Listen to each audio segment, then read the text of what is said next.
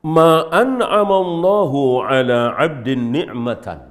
Ini sabda Nabi sallallahu alaihi wasallam sahih riwayat Ibnu Majah.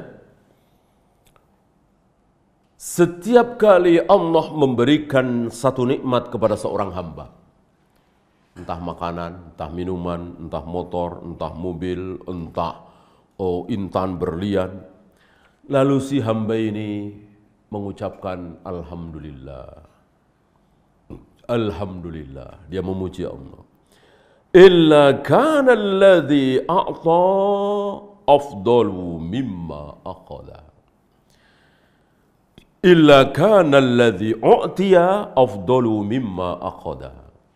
Maka setelah dia mengucapkan alhamdulillah itu, maka yang dia uh, apa berikan itu, yang dia uh, ucapkan itu, apa tadi?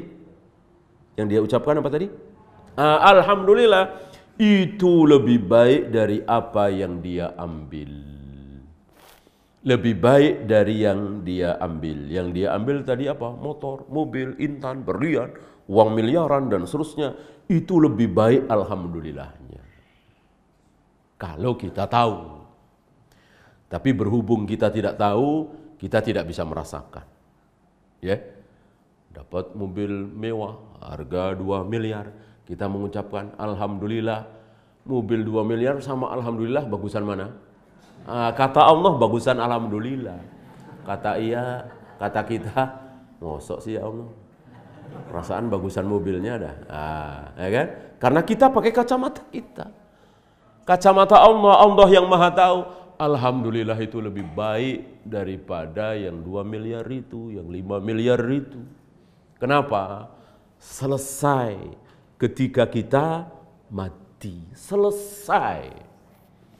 Adakah bekas sedikit saja dari 2 miliar, 5 miliar ketika kita mati? Enggak ada bekas sedikit saja.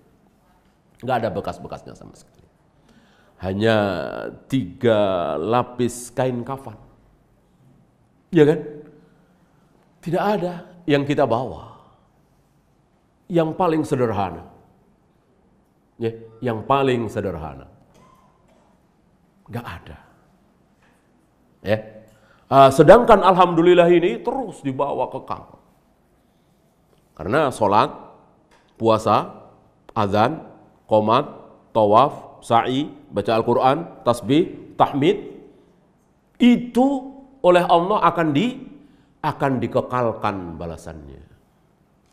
Yaitu Allah tidak kamu sholat sekali, nih balasannya eh, 100 tahun.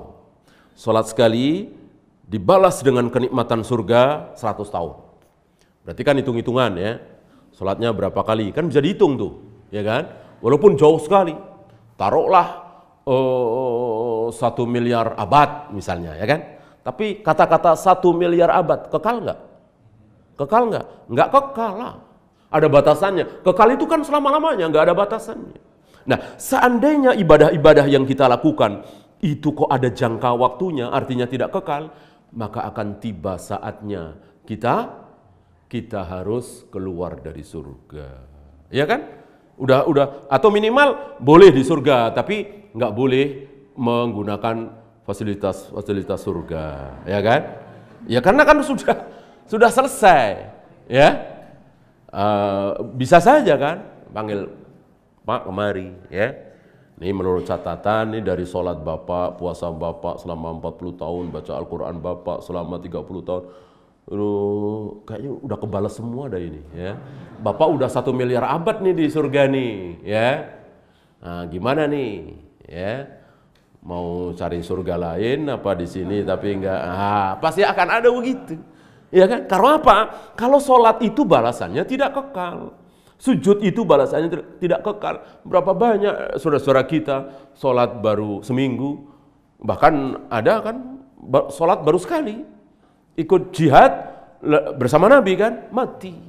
Kekal nggak di surganya?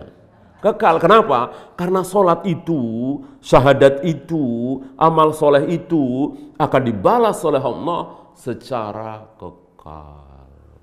Berarti lafat Alhamdulillah sekali akan dibalas oleh Allah kekal selama-lamanya. Gimana Al-Fatihah, gimana sholat, gimana jihad. Ya, ah, semakin sadar betapa kecilnya dunia itu. Ya, walaupun bermiliar-miliar, tapi selesai. 30 tahun lagi, 40 tahun lagi. Saya kira 40 tahun juga kita nggak berani ngomong begitu ya. Kayaknya saya masih 40 tahun lagi nih menikmati dunia. Saya kira nggak ada yang berani begitu ya.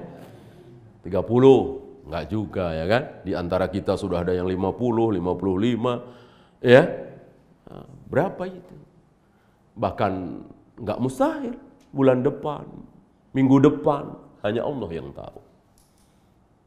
Nah, sudah selesai karir, jabatan, pangkat, kedudukan, mobil mewah, semua berakhir semua. Berarti bodoh sekali. Kalau terus kita menumpuk-numpuk harta betapa bodohnya. Ya, melupakan yang kekal abadi di depan kita.